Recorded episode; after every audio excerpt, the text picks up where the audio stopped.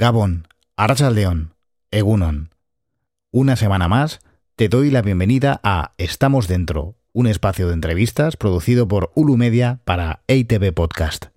Hoy llegamos ya al tercer episodio, pero recuerda que los anteriores siguen disponibles en tu plataforma de audio favorita. Dales una escucha y si te gustan, suscríbete.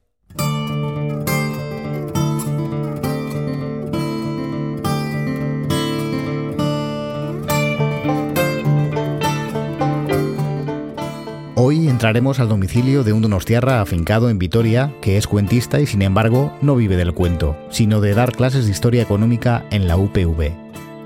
Precisamente de la economía de recursos literarios hablaremos con él, porque lleva más de 30 años cultivando el arte del relato breve.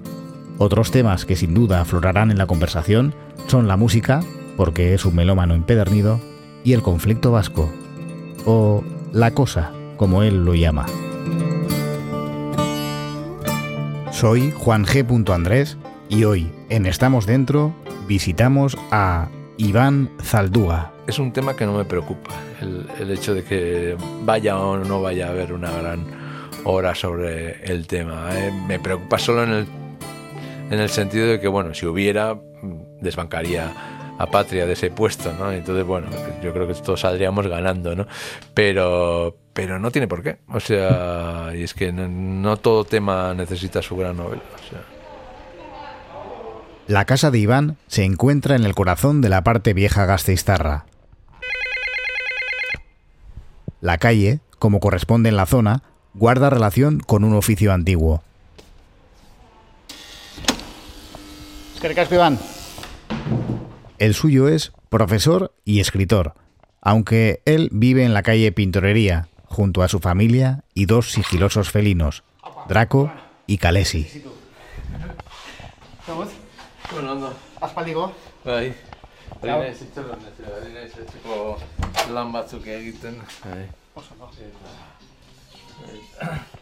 Una gran imagen de corto maltés preside el salón, el lugar elegido para una charla en la que a veces, inevitablemente, se colarán el euskera y la música.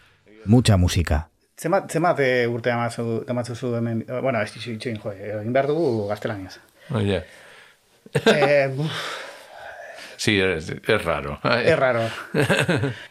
¿Cuánto, ¿Cuánto tiempo llevas viviendo en Vitoria? Ya igual llevas más tiempo que en Donosti. Sí, más tiempo que en Donosti. En Donosti hice 18 años y el resto hasta los 54, menos un año y así que estuve en Bilbao, el resto aquí en Vitoria. Entonces ya sí, son 30... Lleva todo ese tiempo en la capital alavesa y como ocurre a veces, en Donostia no le consideran donostiarra, ni para los vitorianos es gastistarra. En San Sebastián me han dejado de considerar o me están dejando ya de considerar Donostierra y aquí nunca, no, nunca, nunca, nunca, vas, si no eres vitoriano de toda la vida, aquí no te aceptan como de aquí, de verdad, ¿eh? o sea, eso es bastante Sí, son también bastante cerradicos en eso, ¿no? Ya mis hijas sí que van a ser de Vitoria y son muy vitorianas además en ese sentido, pero yo no creo que llegue a ese estatus, ¿no? Y tampoco me importa demasiado. A mí lo de lo de no ser de ninguna parte en ese sentido y no no tener, por lo tanto, la necesidad de defender la patria chica, que es algo que parece que, que se le pide mucho a los intelectuales y luego te llaman para el pregón de fiestas. Pues de todo eso me voy a librar, eh, tanto en San Sebastián como en Vitoria, y me parece eh, genial. Bueno, Iván, eh, para comenzar, quería pedirte, bueno, tengo aquí un libro que supongo que te sonará, y, quería que, que leyeras en voz alta, empezando por el título, estas primeras páginas. Es, cortito, son página y media. No. el, cuento este. Sí. Vale. El examen del señor de Pauli. El tiempo, señores, es muy importante. En un examen, ¿cómo les diría yo? El tiempo es casi lo primero. Y no me estoy refiriendo al atmosférico, lo digo por los graciosos que se han puesto a mirar por la ventana. El tiempo, redundo, es casi más importante que el contenido. Hablo, como pueden ustedes suponer, más de su ahorro que del transcurrir de los minutos en sí. La rapidez, la agilidad que ustedes lleguen a desarrollar son, por lo tanto, factores fundamentales. Son el reflejo más neto y exacto de su actividad mental, el barómetro que mide si han aprovechado o no el curso, la sal de la evaluación. Por supuesto, espero que no osen copiar a sus compañeros, ni hacer uso alguno de esos adminículos que el vulgo denomina chuletas. Les advierto que les estaré vigilando desde la sala contigua y que el circuito cerrado de televisión me informará de cualquier anomalía. Si les cojo en falta, se lo han oído contar a sus compañeros de los cursos anteriores, ya saben a lo que se exponen. Sé que me excusarán por alargar esta exposición más de lo habitual, Quiero que todo esto quede especialmente nítido. Un examen es, por lo tanto, la gloria del tiempo. En él se conjugan su capacidad de síntesis, su audacia en la búsqueda de la respuesta precisa, su habilidad para escribir velozmente a la vez que exhiben una caligrafía perfecta. Es, efectivamente, la prueba suprema. Mas no le demos más vueltas, señores. Para responder a las siete preguntas de que consta el ejercicio que en estos momentos les está entregando el señor ayudante, disponen de media hora. A las once menos cuarto exactamente, aún les será posible abandonar, arrastrándose, el aula. A las diez y cuarenta y siete minutos, solo los más delgados, usted Fanjul y acaso usted Uribe, podrán lograrlo. Recuerden que el techo desciende a razón de ocho centímetros por minuto, y que no hemos previsto la posibilidad de una prórroga. Bien, si no tienen ninguna pregunta, solo me resta desearles mucha suerte.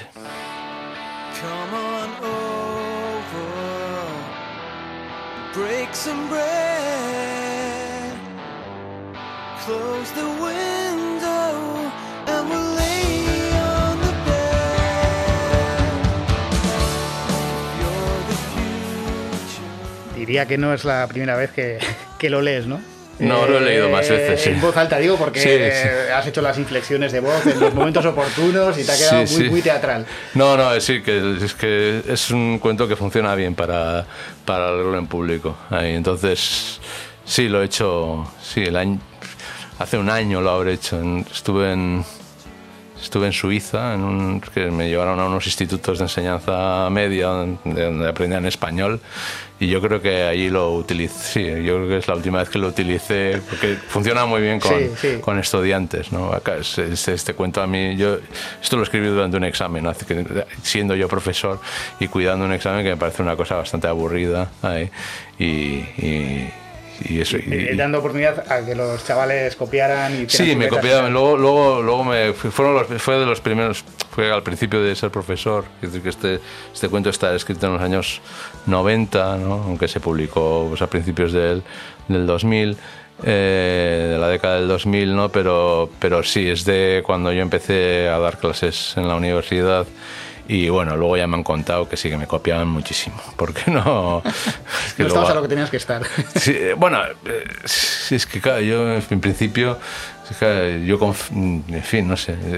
Como yo era alguien que no copiaba, supongo que al principio, ahora ya me fijo más, eh, confiaba en la lealtad ¿no? del estudiante en general, de que iba a hacer la prueba como, como Dios manda, ¿no?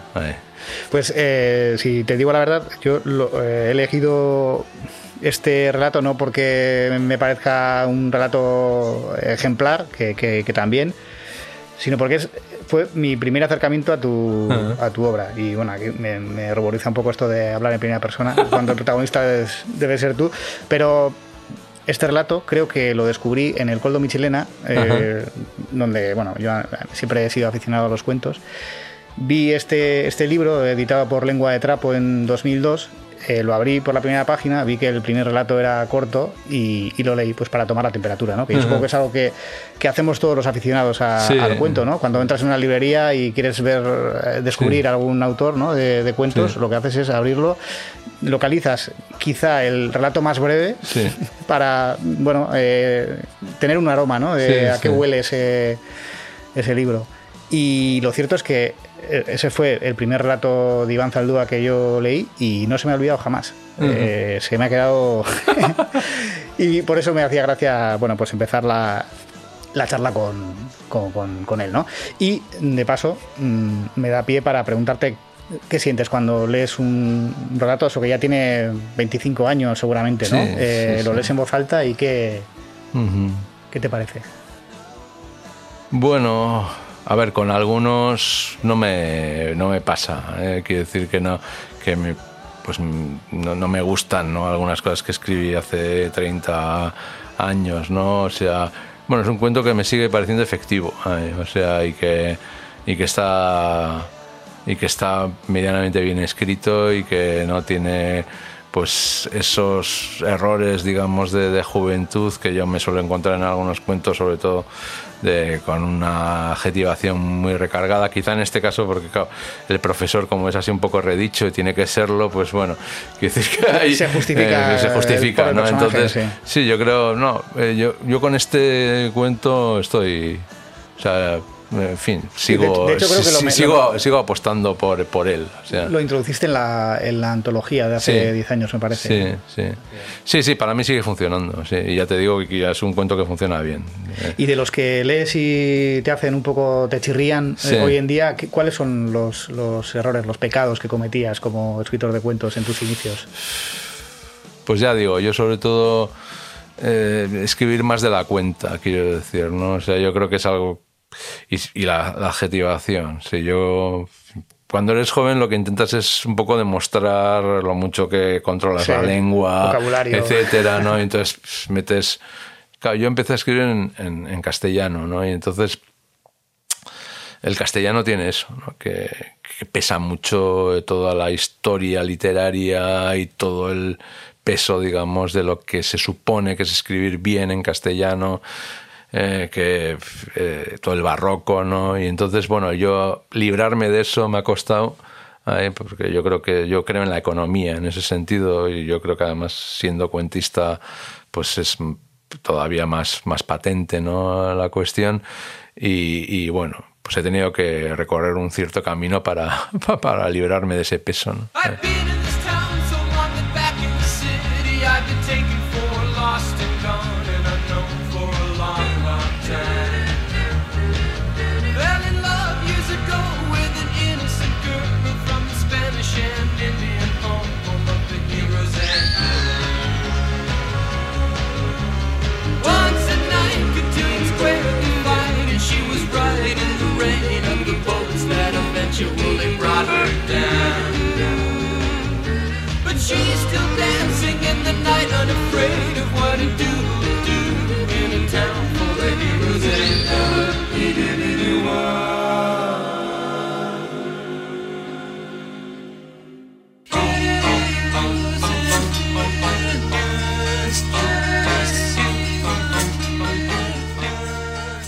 Ya sea en su blog Ondarrak eta en libros como el titulado Panfletario, de reciente aparición, o en ensayos como Ese idioma raro y poderoso, Iván Zaldúa expone su visión de la literatura a través de manifiestos, decálogos y divertidos panfletos para el debate. Una de las discusiones más frecuentes bien podría titularse Cuento versus novela o David contra Goliat. En general, la gente que tiene alma de novelista suele ser mal cuentista y viceversa. Entonces yo soy más de los que creo que, aunque hay casos en los que eh, hay gente que, que lo hace bien en los dos géneros, ¿no? incluso muy brillantemente, pero son casos bastante excepcionales. ¿no? Eh, lo que me lleva a pensar que, que bueno, no es un género mm, especialmente bueno para que puedas disimular tus carencias en él, ¿no? O sea, porque yo creo que aunque hay muchos tipos de cuento y hay muchos tipos de cuentista, pues bueno, yo creo que hay, hay un cierto espíritu de género que no es fácil de impostar, o sea, que exige un aprendizaje, exige un entrenamiento, ¿no? Y entonces, pues bueno, a mí no me... Eso de que, eso de que se dice que, bueno, pues, eh, eh, de alguna manera pues el cuento es el entrenamiento para la novela y hay gente que se empieza entrenando en eso para lo no pues, porque son dos géneros que exigen un tratamiento y un trabajo muy diferente. Has llegado a escribir un, eh, manifiesto contra la novela, ¿no? En tono humorístico, pero bueno, eh, con bastante retranca, ¿no? ¿Por qué hay que estar en contra de la novela? ¿O por qué tú estás en contra de la novela? Bueno, no estoy en contra, no estoy en contra de la novela. ¿eh? Yo leo, mucha novela, ¿eh? o sea, pero leo mucho también libro de cuentos, ¿no? Libro de relatos, ¿no? Pues yo creo que hay que estar en contra de la novela como hay que estar contra el imperialismo norteamericano. O sea, quiero decir, o contra el imperialismo soviético en su día o lo que fuera, ¿no? O sea, quiero decir, todo lo que o contra el imperialismo del fútbol, ¿no? En la, cuestión del deporte y yo qué sé, apoyar la petanca y el, o el ping pong, ¿no? O sea, quiero decir, todo lo que se sale de madre, hay todo lo que tiende al exceso, ¿no? Eh, y se impone, digamos, al consumidor, me parece criticable, ¿no? Y con la novela ha pasado eso, ¿no? O sea, de alguna manera se ha convertido, bueno, quizá porque es el género burgués por excelencia y entonces, quiero decir que es, el género que empleó la burguesía para conseguir de alguna manera, eh, pues bueno, un cierto prestigio, un cierto capital intelectual, ¿no? Cuando empezó a gestarse la historia de la novela, pues, sobre todo en el siglo a partir del siglo XVIII, era considerado un género menor, por supuesto, y de consumo y de baja estofa, ¿no? Frente al teatro, la poesía, que era lo, lo fetén, ¿no? Y lo, que era alta cultura, ¿no? De alguna manera, ¿no? Entonces se, han, se ha dado la vuelta, ¿no? A esa tortilla y, ahora resulta que es el, el género mayor por excelencia, ¿no? Pero, pero de una manera tan abrumadora que yo creo que hay que criticar eso, ¿no? Hay otra serie de, vías por las que explorar el hecho literario y, bueno, pues... Eh, claro, y, luego por otra parte es barrer hacia casa, ¿no? O sea, es lo que que, bueno, es una manera de decir, bueno, eh, soy, soy cuentista, hacerme casito. entonces, pues bueno, eh, yo lo veo un poco así, pero sí, y, ya sé que la crítica es un poco estrambótica y exagerada, como deben ser las críticas, pero yo creo que también tiene algo, algo de verdad, ¿no? O sea, bueno, en fin, no por ser novela eres más escritor, no por ser, no, no por escribir novelas eres más escritor, no por consumir novelas eres eh, un mejor lector, ¿no? De hecho, eh, en la mayoría de los casos, si solo consumes novelas, lo que demuestras sobre todo qué tipo de novelas consumes, ¿no? Es que eres un lector perezoso, ¿no? Entonces, pues bueno, eh, yo ahí, eh, en fin, de alguna manera lo que hago es, lo que hago es por un poco más de, de diversidad, ¿no? Por la biodiversidad también en el campo de la literatura, ¿no? Incluso llegas a decir que, que hay eh, en proporción más malas novelas que más libros de cuentos malos, ¿no? Sí, sí. porque igual se, hace, se hace, un filtro desde el, desde el punto de vista de la edición, desde el punto de vista del propio autor también, ¿no? Claro, como vende menos, en principio, se supone que vende menos, ¿no? Porque yo creo que tiene mucho que ver también con el marketing o con el entrenamiento, ¿no? Yo eso lo veo en el, en el club de lectura que, que dirijo, ¿no? Eh, o que coordino, vamos a dejarlo en una cosa más eh, suave.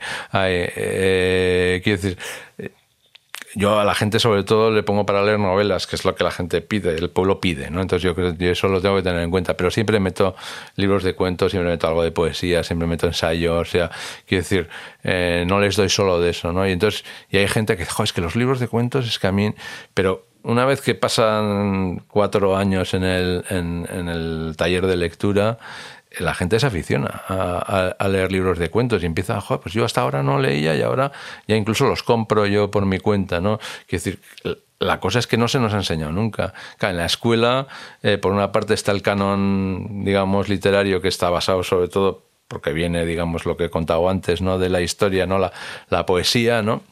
Pero se enseña como una especie de reliquia de alguna manera del pasado y luego están lo que te dan a leer, eh, los libros que te dan a leer no son de poesía, eh, son novelas. ¿sabes?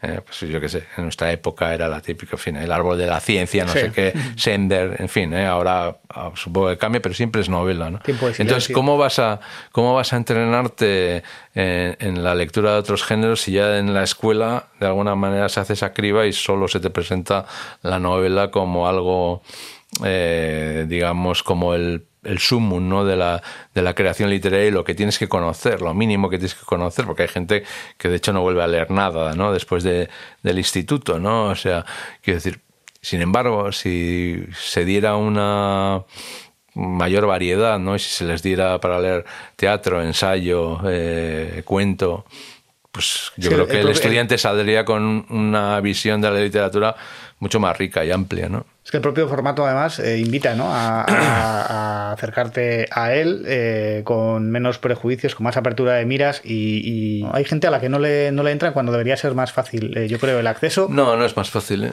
Yo, creo que es más difícil y por eso exige un entrenamiento. leer novela, como he dicho antes, está en, en los programas de educación, es decir, no es algo natural, ¿no?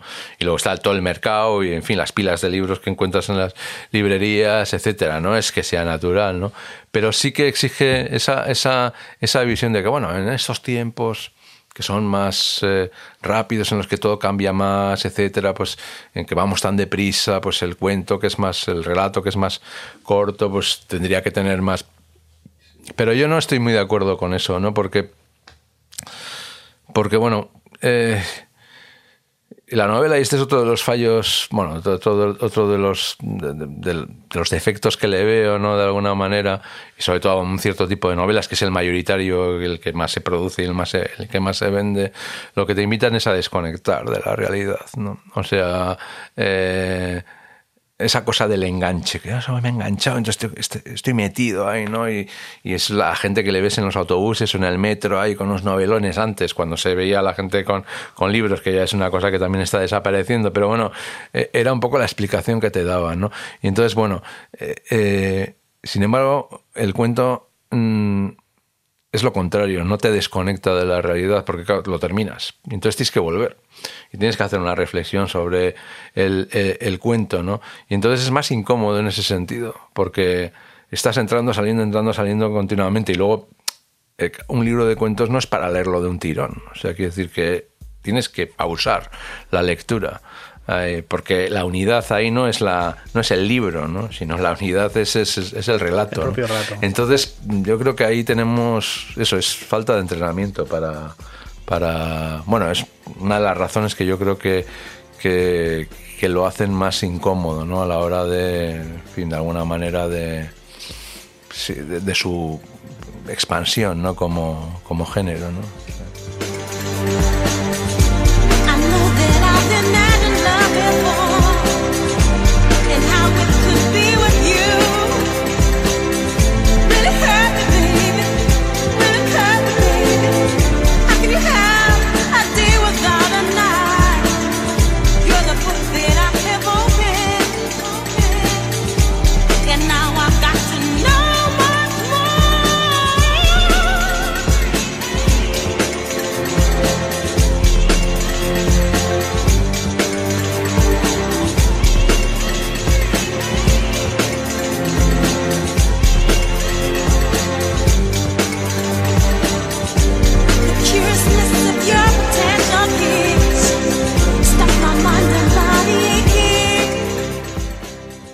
Dirías que ha cambiado tu, tu estilo, tu forma de, relatar en estos 30 años ¿no? como cuentista? Eh, ¿qué, has ganado y qué has perdido? Hombre, ganar... Eh, yo creo que escribo mejor. O sea, que me he librado un poco de, de la broza, ¿no? De, bueno, lo que he dicho antes, yo he tendido hacia una mayor economía por un lado, ¿no? Y luego, pues bueno, yo creo que a, la hora de, de, centrar el, eh, el tema lo que, sobre lo que quiero eh, sobre lo que quiero preguntarme ¿no? en el cuento, pues ahora voy con más seguridad hacia ello. ¿no? Antes yo creo que tenía menos claro ¿no? lo, que, lo que pretendía con el cuento, empezaba más a ciegas y bueno, lo que he aprendido con el tiempo mucho es que bueno, que el cuento tiene que estar ya casi escrito antes de empezar en tu cabeza, antes de empezar a escribirlo, ¿no?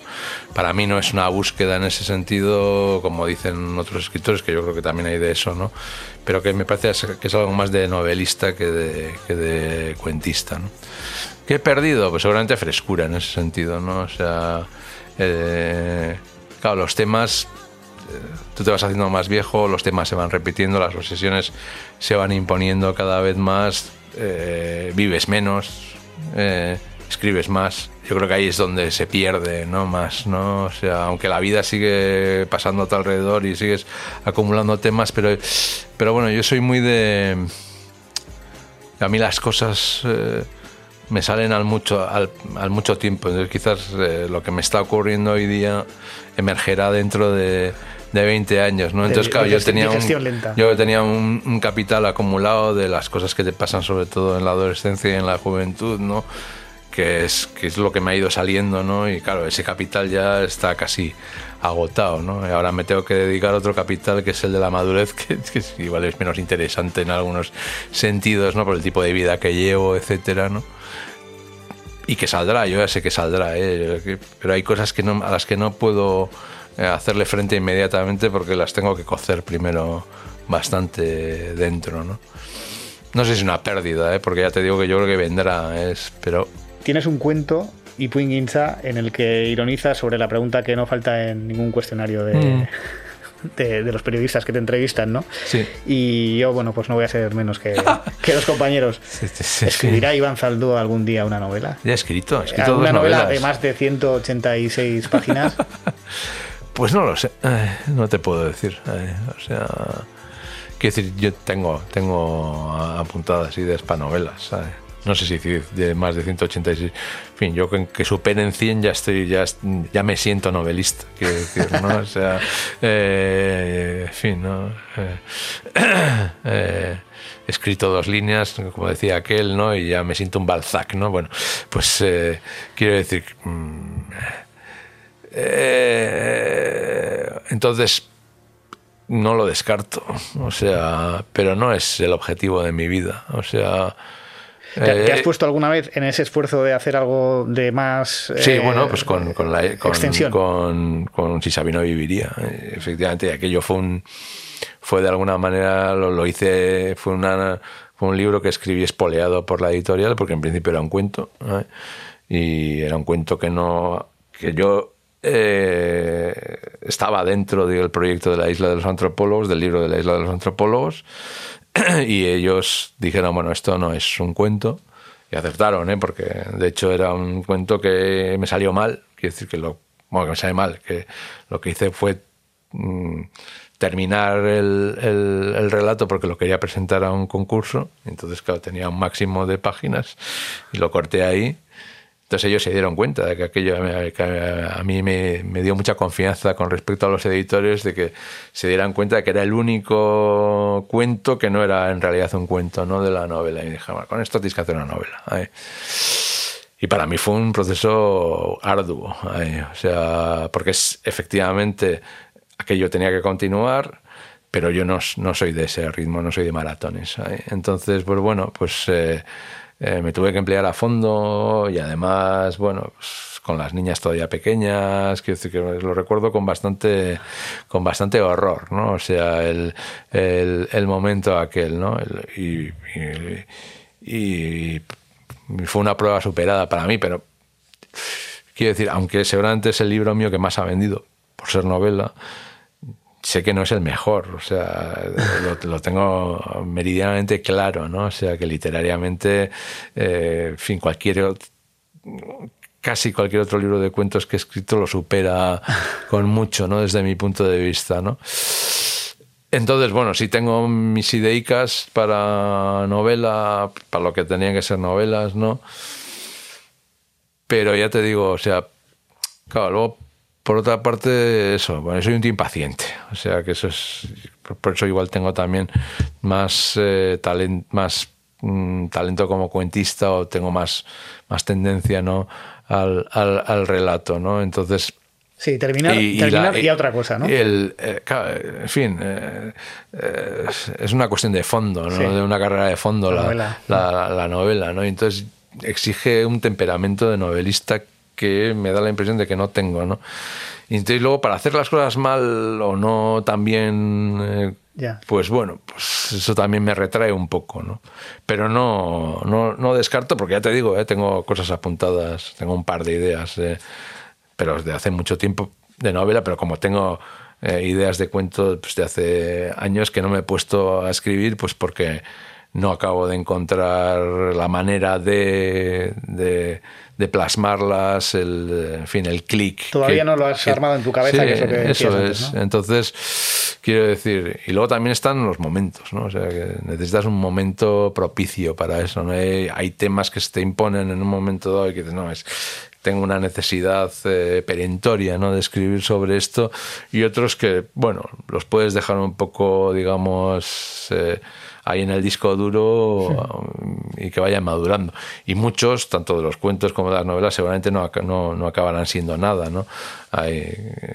y eso suele ser lo mejor, ¿no? Porque en el momento en que los plasmas, ahí igual hay cosas que, que no acaban de funcionar, ¿no? Entonces, siempre los mejores cuentos son los que no escribes, las mejores novelas son las que no has llegado a terminar, ¿no? En algunos casos.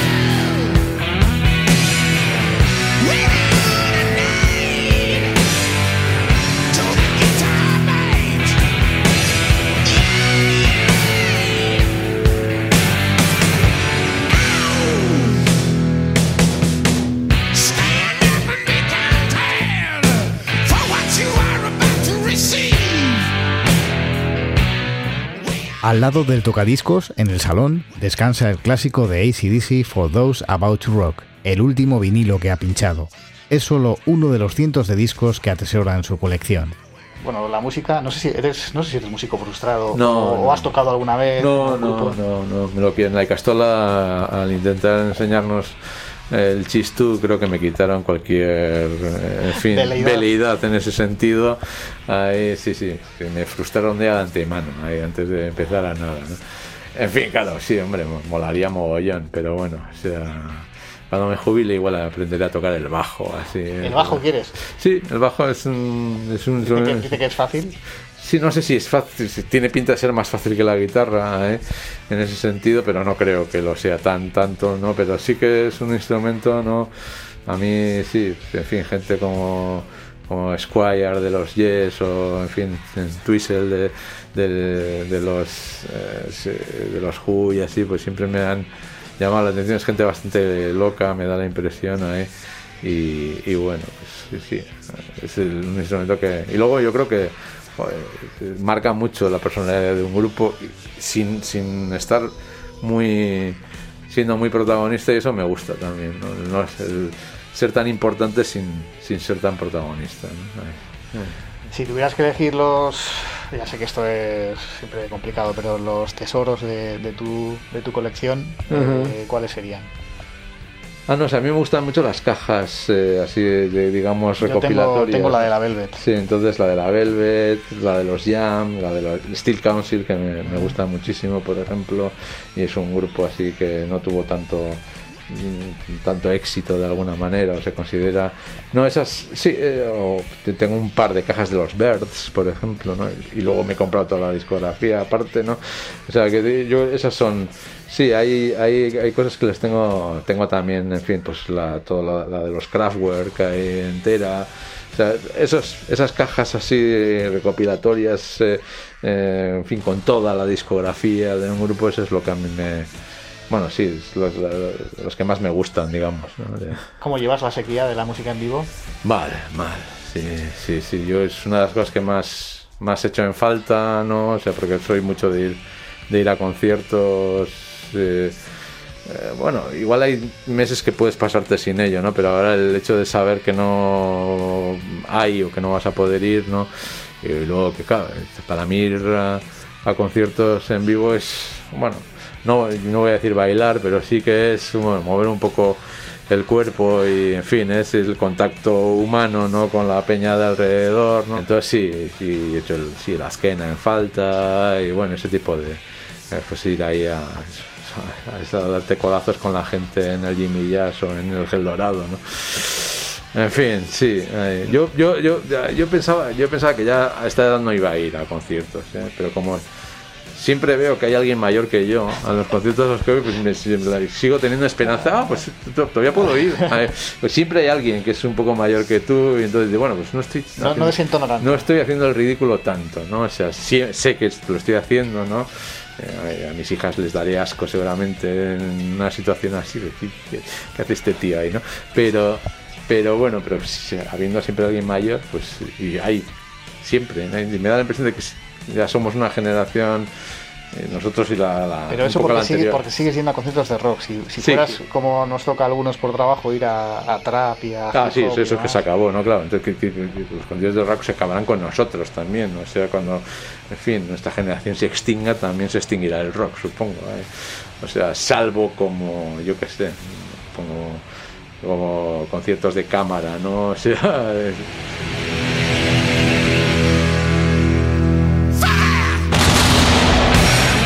Excel bat eh, disko entzarako, baina liburuekin ez dut.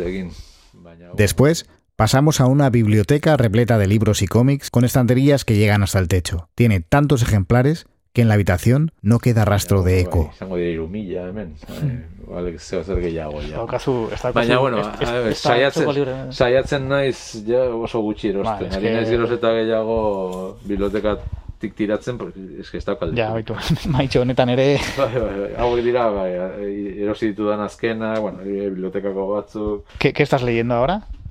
Hau, ze, hain nago peio lizarralderena, llegan ez dudan irakurri, luego esto, esto para, para el curro. Capital fósil. El, capital fósil, eta gero Y, esto, y luego Arguianza de Pello Lizarralde, la última, ¿eh? que la han puesto muy bien, pero todavía no, no he tenido ocasión de, sí. de hincarle el diente y estas vacaciones le, lo haré. ¿Qué, ¿Qué, orden? ¿Tienes orden alfabético? Sí, sí, orden alfabético. Sí, yo también tengo alfabético. Sí, pero bueno, luego hay secciones, ¿eh? que esto es historia, esto es filosofía, economía, narrativa, esto es ya literatura, ¿eh? en, y luego la, la, literatura en euskera. Y, ah, has separado, y, ¿eh? Y dentro, sí, eh, no las traducciones, las traducciones están con la literatura en general, eh, pero la que, lo que es la literatura en euskera, o sea, de, de... Eso igual alguien te criticaría, ¿eh? ¿No? Ya, sí, pero bueno, pero pues no sé por qué lo organicé así en su día. Entonces, y ahora me, ahora me cuesta pensar Hombre, en otro orden. Sí, es que no tienes mucho margen para andar haciendo, sí. moviendo de un, de un, sitio a otro, ¿no? Sí, pero bueno, claro, yo no sé. Hombre, yo, si tiene una lógica en cierto día, supongo que tendría una lógica, ahora ya es una costumbre. ¿no? Y luego tengo los cómics. Es la biblioteca y el lugar también donde sí, intuyo el que estudio, escribes, ¿no? sí, el y luego hay más discos porque no me caben ya ahí. Y, y papeles y, Sí, sí. y carpetas, archivadores de, supongo que de, de, la, de la universidad, ¿no? De... Sí, sí, sí, Trabajo. Esto es ya parte, la parte del trabajo, digamos.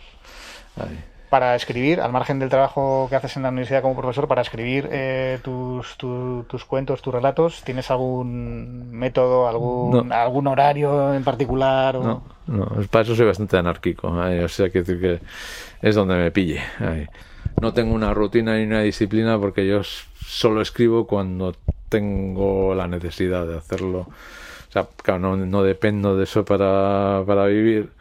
Eso es una ventaja, quiero decir, no, no, no, no No, tienes- no- no vivir del cuento, No, ¿no? vivo del cuento en ese sentido, ¿no?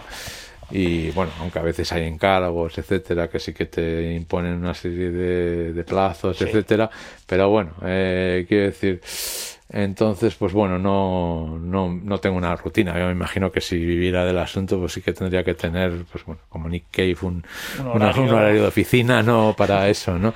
Más obrero del cuento, ¿no? pero pero no es el caso y entonces pues bueno me puedo permitir el, el trabajar cuando siento la necesidad y cuando tengo buenas condiciones para hacerlo o sea cuando creo que puedo ser eh, productivo no pues porque no sé, o sea, yo, yo tengo muy claro, ¿no? Por ejemplo, que pues cuando estoy muy triste, cuando estoy deprimido, etcétera, pues por ejemplo no puedo escribir, o sea, es algo que no me lo he intentado en algunas ocasiones y lo que sale es malo, ¿no? entonces, bueno, tengo que tener un, un, estado de ánimo, un estado de ánimo bueno, eh, propicio para escribir. Y entonces, pues bueno, pero bueno, es la ventaja de ser amateur, en ese sentido. Eh, que también tienen sus desventajas, ¿no? O sea, que, no siempre cuando te pilla la inspiración puedes, porque tienes que estar dando clase o tienes que estar haciendo la comida. Pero bueno, o sea... Y una señal que, que justo me acabo de fijar ahora y que me parece buena señal es la papelera, la tienes eh, llena de, de, papeles, ¿no? O sea, de papeles arrugados que has desechado. No sé si al escribir tú también eres de los que procura. Eh, sí, hay que tirar, ¿no? hay, que, hay que usar mucho la papelera. Yo creo que eso, el procesador de textos, el bolígrafo, la libreta y la papelera es de lo más importante que tiene que utilizar un escritor. ¿eh? Sí, eh, no se puede utilizar todo lo que, lo que produces, ¿no? Entonces sí, hay que tirar bastante a la papelera.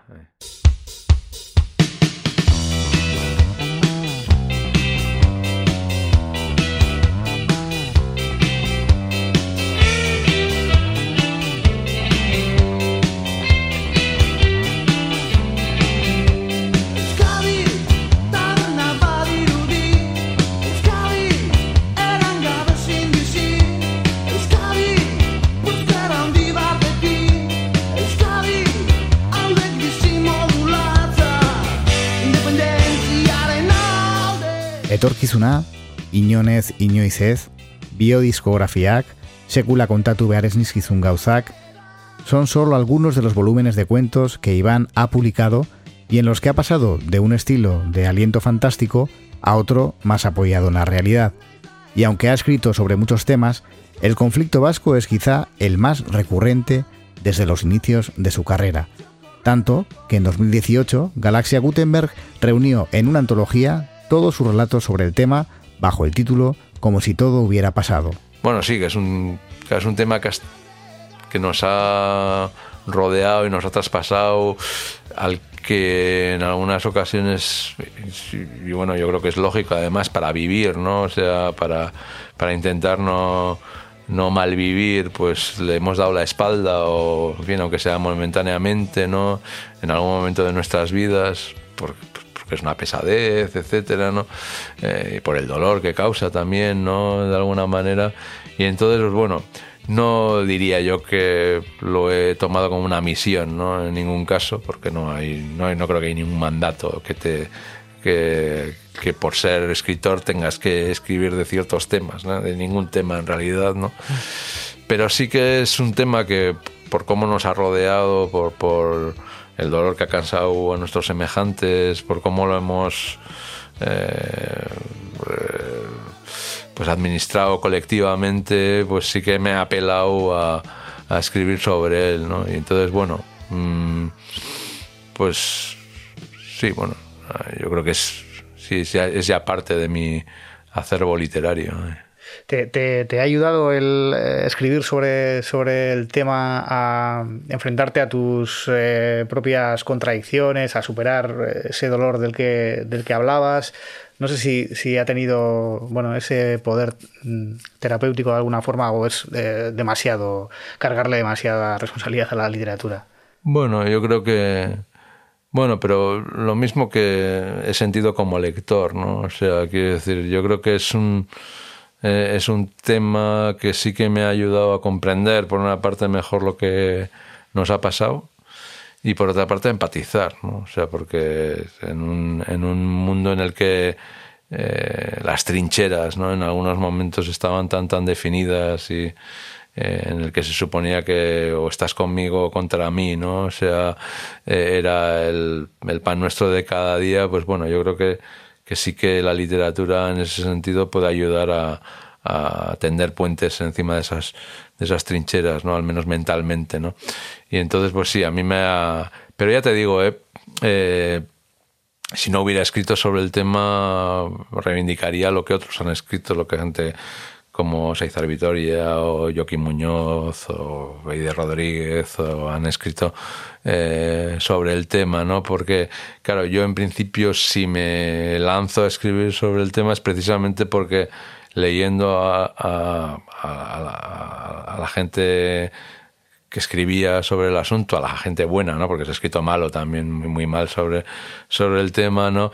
Pues, pues yo he llegado a comprender cosas de una manera mucho más cercana, digamos, más, más, eh, eso, más, eh, más próxima, ¿no? Que, yo qué sé, eh, leyendo libros de historiadores o de sociólogos o artículos periodísticos, ¿no? Entonces, yo ese es el valor que, que le vi como lector. Y entonces, bueno, yo soy un tío envidioso, ¿no? Entonces, cuando ves que, que, que joder, de un tema que te preocupa y que te rodea, ¿no? En el que estás muy metido, ¿no? De una u otra manera, ¿no? Que está muy metida la gente que te rodea, eh, pues el hecho literario te puede ayudar, ¿no?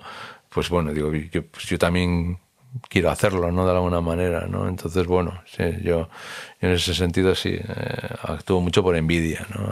cuando, sí, digo, qué bueno es eh, este libro de Saizar Vitoria sobre la Maica Pauso, no sé qué digo, qué, qué, bueno es este cuento de Joaquín Muñoz, pues bueno, en fin, si pudiera conseguir algo cercano a esto, pues ahí. No sé si lo leí en, en, ese ensayo que, escribiste eh, sobre, sobre el euskera, ¿no? bueno, sobre el, el, duro oficio de, de, ser escritor en euskera.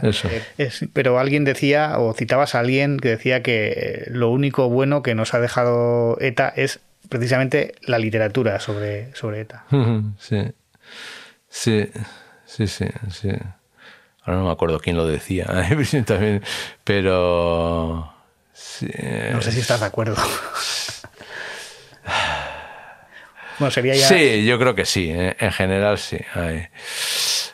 La discusión sería ardua, ¿no? necesitaríamos tres o cuatro podcasts. Sobre, sobre qué ha aportado de bueno. Hombre, yo creo que, pero claro, también podemos discutir sobre qué ha aportado de bueno el franquismo, ¿no? Y seguro que también sacaríamos cosas, ¿no? Quiero decir, entonces, pues bueno, pero yo creo que lo malo es lo que se impone ahí, tanto en el franquismo como en ETA, ¿no?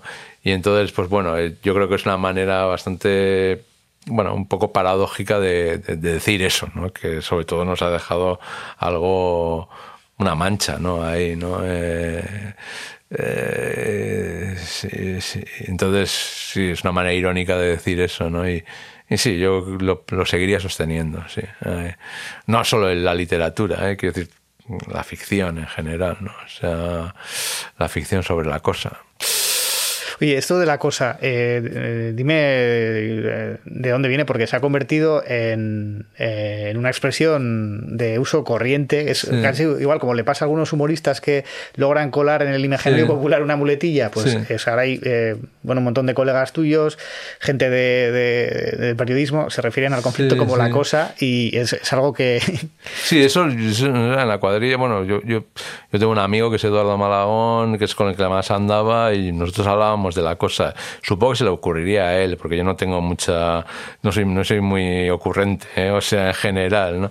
Eh, pero luego he visto, por ejemplo, que Joaquín Muñoz eh, también lo usaba y, era, y lo hacía de una manera independiente, ¿no? entonces, pues bueno, diría que tiene más de un origen, ¿no? Ah. O sea, en ese sentido, eh, yo, a, yo a Joaquín Muñoz también se lo leí, pero para entonces nosotros también lo usábamos. Es que yo, yo creo que al primero que se lo escuché fue sí, Sí, sí, o sea que nosotros, yo, nosotros lo hemos usado pues, yo creo desde, los, desde los 90 bastante, eh, diría yo, eh, pero no te puedo decir el momento eh, no tengo el recuerdo de esa epifanía, ¿no? sino que bueno, se había convertido en una muletilla habitual y claro, luego cuando yo he tenido que escribir, teorizar un poco, hablar un poco sobre, sobre el asunto, pues, pues bueno, pues lo metí, porque, porque bueno, me parece... Bueno, yo creo que eso es como lo he explicado, ¿no? Claro, como para algunos eh, era terrorismo, para otros eh, lucha por, en fin, la liberación nacional pero, eh, ni una cosa ni la otra acababa de encajar y luego pues, pues se podían dar otras definiciones, pues bueno, al final pues lo, resumías con eso, era más rápido además y ya podías pasar a otra cosa eh, rápidamente, ¿no? Y ahora, sin, violencia por parte de, ETA ya eh, desaparecida, ¿va a ser más fácil escribir de esos temas? Bueno, está siendo más fácil, ¿no? Yo creo, ¿no? O sea, que, hay una mayor abundancia, ¿no? De, literatura sobre el asunto, ¿no? Sobre la cosa. ha habido una especie de pequeño boom, ¿no? Tanto en la literatura en castellano como en la literatura en euskera, ¿no? Eh, y sí, yo creo que es, sin estar, digamos, el tema candente, que suponía un, nivel de violencia X y unas amenazas, ¿no? En un momento dado por parte de unos o de otros, ¿no? O sea, yo creo que sí, que el campo de alguna manera se ha abierto, ¿no? Lo que no quiere decir que se vaya a escribir mejor, que es algo diferente, ¿no? O sea, las grandes o las mejores aportaciones seguramente van a venir no tanto del campo de la ficción como del campo de la literatura memorialística, ¿no? Porque cosas que no sé sobre las... Bueno, eso lo estamos viendo, ¿no? En los trabajos de los historiadores, etcétera, ¿no? O sea, mm, cosas sobre las que no se hablaba o no se podía hablar, pues precisamente porque eran un tema delicado o podía ser objeto de, de persecución judicial o, se tenía miedo sin, sin, más, ¿no? Eso va a salir o irá saliendo, ¿no? Entonces yo creo que ahí, ahí va a haber verdaderamente unos aportes, una, aportación buena, ¿no? En el campo de la ficción mm, va a haber mayor abundancia, va a haber más puntos de vista, o sea, ha sido, por ejemplo, una literatura muy masculina, ¿no? La de la, de la cosa y seguramente, pues bueno, eh, va a feminizarse más en ese sentido y ahí vamos a tener, eh, pues bueno, una mayor variedad de puntos de vista. ¿eh? van a escribir las generaciones más jóvenes, algunas que han vivido solo de refilón o incluso no han vivido la cuestión, pero han vivido, pues, o lo han vivido por medio de sus padres o de sus o de sus abuelos, y ahí también va a haber más variedad de, puntos de vista. Lo que yo no tengo tan claro es que se vaya a hacer mejor ficción por eso. O sea, la abundancia en general suele traer, claro, es la, la, cantidad trae la calidad en general, entonces, bueno, en ese sentido podemos estar esperanzados. Pero bueno, eh, yo creo que hay que reivindicar lo que escribió bien antes, ¿no? Entonces, eh, en ese sentido, pues yo creo que se seguirán escribiendo obras relevantes y, la mayoría no serán relevantes, porque quiero decir que, lo que sale, lo que, lo que pasa a la, criba del tiempo es, eh, es siempre menos, ¿no? O sea, es siempre lo mínimo.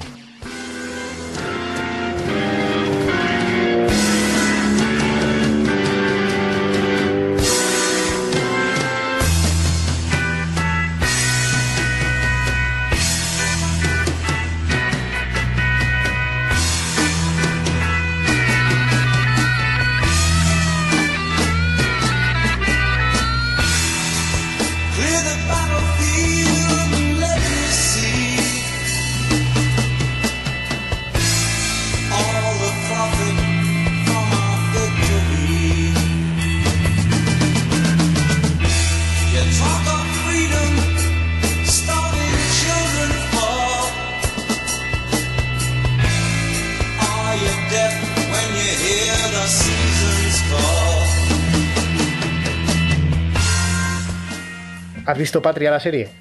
Sí, sí, sí la he visto. Sí. ¿Te ha gustado más que la novela? Me ha gustado más que la novela, sí. Eh, hombre, quiero decir que yo le sigo encontrando los, los defectos, muchos de los defectos que tiene la, la novela, lo que trae de fábrica de alguna manera la cuestión del, de la lengua en ese sentido pues eh, molesta, molesta yo creo que lo ha reconocido el propio editor Gabilondo que bueno ha sido una decisión comercial no hacerlo en euskera pero molesta no pero tenían que haberlo hecho en bilingüe que es lo que pasa aquí en, este, país entonces bueno y, yo creo que sobre todo el, desarrollo de los personajes secundarios pues deja bastante que desear no y yo creo que ahí había más más más recorrido de alguna manera. Las actrices principales están tremendas, ¿no? Y eso es lo que, digamos, eleva un poco. Y luego, claro, el hecho de que ese, esa. Eh, a mí uno de los problemas que me produce la novela es el lenguaje, ¿no? Es el lenguaje que utiliza, la manera de escribir que tiene Aramburu, que, que va mucho hacia lo ampuloso, ¿no? Como está está sustituido por las imágenes, ¿no? De alguna manera. sobre todo en las descripciones, etcétera, pues bueno, eso yo creo que aligera mucho, ¿no? El, el engolamiento de la el novela. engolamiento de la novela, ¿no? Luego es verdad que la serie no es muy no innova mucho a nivel visual, quiero decir que no es una, es una serie muy muy, muy clásica. Sí, tiene los saltos en el tiempo, pero al final es verdad que desde el primer capítulo sabes lo que va a pasar, no tiene esa intriga, no hay una... A ver, a mí no me, me pareció mejor porque, la, porque había leído la novela, pero bueno, no es, no es algo que me haya entusiasmado, ¿no? Aunque aprecio el trabajo de, de, de los actores, de los actores sí. y de las actrices, ¿no? En fin. Eh, Masoroiz fue mi profesor de teatro en la Icastola, entonces quiero decir que le, que le tengo un, mucho cariño, ¿no? Eh... Te lo preguntaba lo de Patria porque, bueno, has sido uno de los grandes críticos de, de la novela. Sí. E incluso diría que cuando salió de los primeros y... y... No, no, de los, no, porque lo escribí eso, lo escribí en marzo del 2017. Ahí el, bueno, pero el, yo, yo y, siempre... Y, eh... el, y, que la novela estaba en circulación desde septiembre del 16, quiero decir. Eh. Que, que, vamos, que, ya, que pasó bastante tiempo. pero frente al aluvión de loas ah, sí, y de sí. elogios que ha recibido, sí, eh, no había la, muchas. No había muchas voces críticas y, y la tuya eh, además se reprodujo en bastantes medios digitales, ¿no? Como casi te dijiste en el portavoz de los detractores de, de, Patria. Pero es que además lo hacías eh, no desde un punto de vista ideológico, que es la crítica que, que han hecho muchos detractores y, y, y, defensores de la novela, ¿no? Tú eh, exprimías razones literarias para, sí, sí, para, mí, para la crítica. Sí, para mí la, la, la, la, peor cuestión de una novela es que no funcione como ficción, ¿no? Entonces, eso es un poco lo que venía a criticar. A mí no me funcionó como ficción, ¿no? Entonces, en ese sentido, pues, claro, yo por otra parte de, series y de la cuestión eh, audiovisual sé menos, ¿no? Entonces no me atrevo a meterme mucho en ese berenjenal porque no tengo, no tengo los conocimientos eh, suficientes, ¿no? Para ello, ¿no? Pero sí que me ha parecido más, más tragable, ¿no? Que, que la novela. La novela a mí literalmente me parece muy floja. Y entonces, bueno, yo creo que eso es lo peor que puedes decir de una novela, no, no en, en dónde se posiciona. Hombre, yo qué sé, eh, si está, si la novela defiende el exterminio de la raza judía, pues bueno, pues, eh, pues evidentemente también hay otras razones para meterte con ella, ¿no? Pero a mí la cuestión estética es la, es la principal en esto. No, no sé si, si, cabe pensar que habrá algún día esa gran novela eh, sobre sobre la cosa. Esa novela que, que Patria ha, ha, pretendido, ha pretendido ser de alguna forma, ¿no? Con afán totalizador, uh -huh. eh, llevando, plasmando todos los eh, aspectos del, del, conflicto y sí, demás. intentando plasmar, intentando. yo diría yo, porque no, acaba, no creo que acaba de plasmarlo del todo. Eh, pues no lo sé. Es, nunca es algo que, no, que al arte eh, que, no se puede predecir en la cuestión, en cuestiones artísticas porque es, es, algo bastante caprichoso a fin de cuentas, ¿no? Por una parte tengo mis dudas si no va a ser eh, Patria la que quede como señera, ¿no? O sea, quiero decir, porque decir, las voces críticas han sido bastante minoritarias, ¿no? O sea, eh, entonces, bueno, yo creo que ese peligro existe, existe todavía. ¿eh? Eh, y luego no tiene por qué pasar, ¿no? Yo creo que Borges era el que decía esto, lo he repetido además eh, en referencia a esto, ¿no? Pues que mm, hay alguna novela, hay alguna gran novela sobre la Segunda Guerra Mundial. Bueno, en aquella época Vida y Destino no se conocía, igual eh, quizá Vida y Destino podría ser, ¿no? Eh, pero bueno, yo, por ejemplo, desde el punto de vista, digamos, de la guerra en el frente occidental, no, yo no tengo así. En fin, Suite Francesa es una novela que está sin terminar, por ejemplo, ¿no? O sea, hay que decir. Entonces, no tiene por qué pasar. O sea, eso, ¿no? Que todo tema eh, tenga su gran novela. Eh, eh, eh, y además que tenga que ser una novela, ¿no? Yo contra eso también me revelo, ¿no? Porque no un libro de cuentos. ¿eh?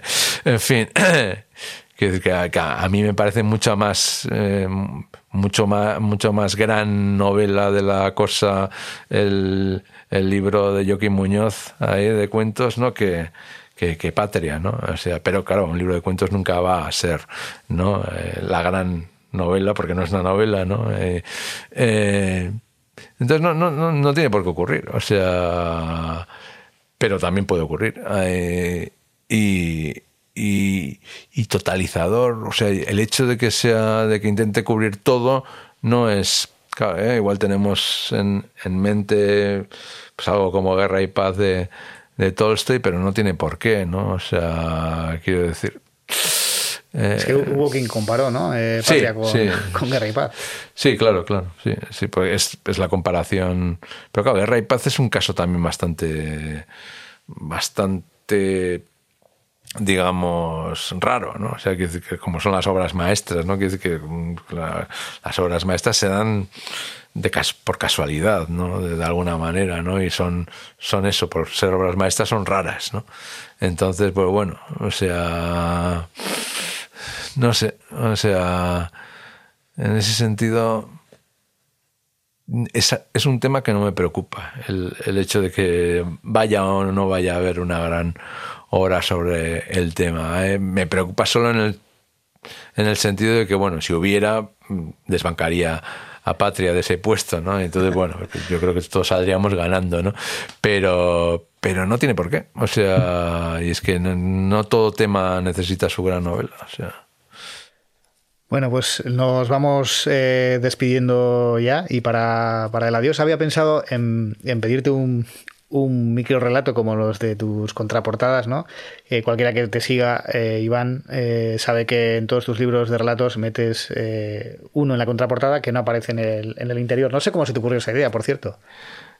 cuando yo empecé a publicar, digamos ya en editoriales, a partir de de finales de los 90, ¿no? En editoriales, eh, en editoriales de verdad, ¿no? O sea, no como el primer libro que fue una edición de la Diputación de Guipúzcoa, eh, pues bueno, me di cuenta de que las contraportadas, ¿no? La, cuarta que se llama de, de, los libros, no la redacta la editorial. Eh, donde se hace una loa y un resumen, a veces con demasiados spoilers de, del tema o los temas del, del libro en cuestión, ¿no? ¿no? sino que normal, que yo, por mi experiencia, eh, la tendencia de las editoriales, de los editores, era pedírselo, que lo escribieran también los, los propios los escritores. escritores. Claro, a mí me parecía fatal, porque dices, ¿cómo voy a ponerme yo a alabar las virtudes de mi novela? Eso no lo puedo hacer yo. Iván Zaldúa, el mejor escritor de su generación. Claro, así que decir,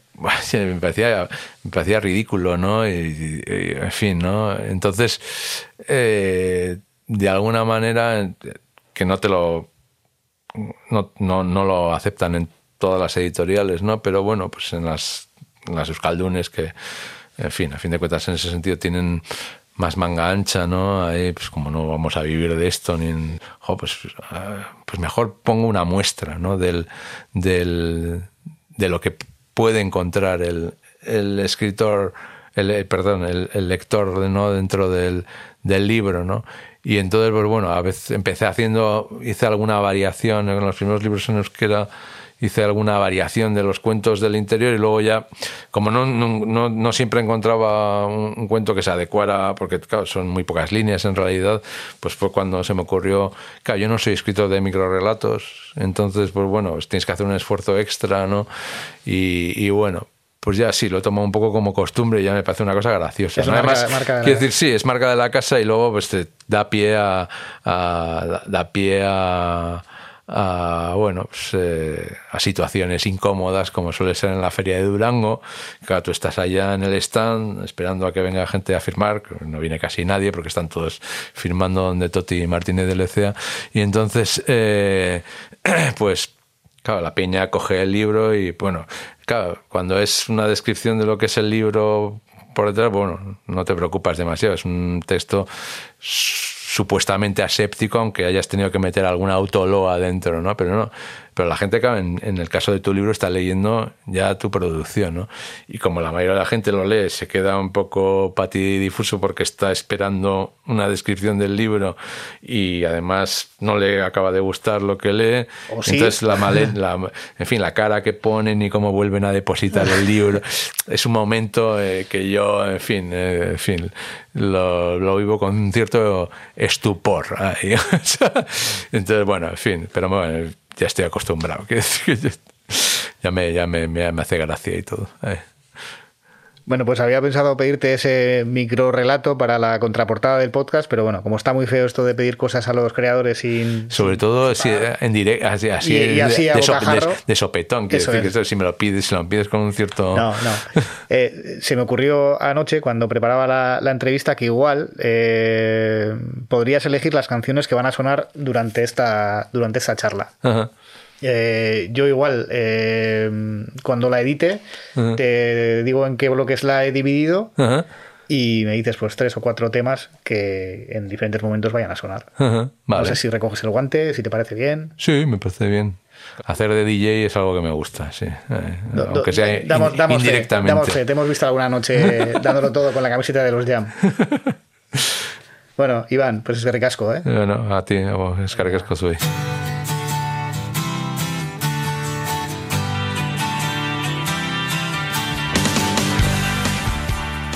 Nuestro anfitrión recogió el guante y nos envió la lista de canciones que han ilustrado este episodio.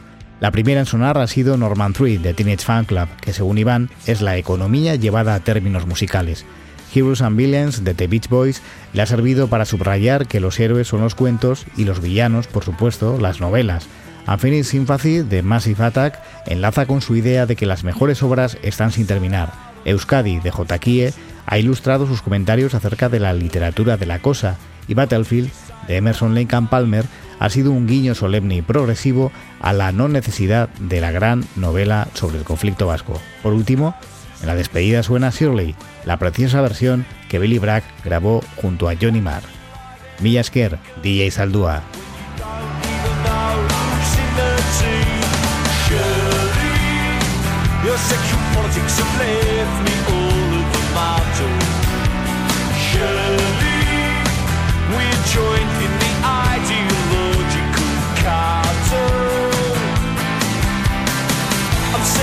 writing my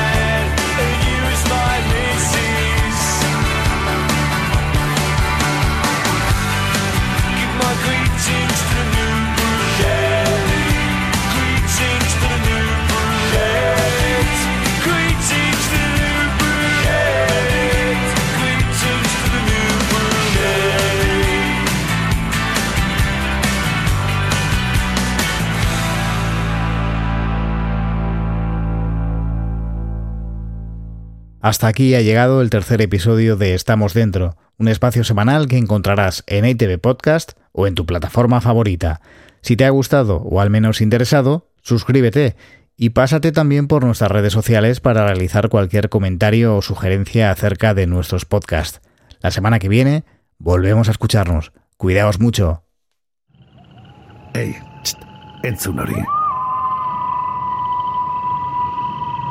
Ulu Media.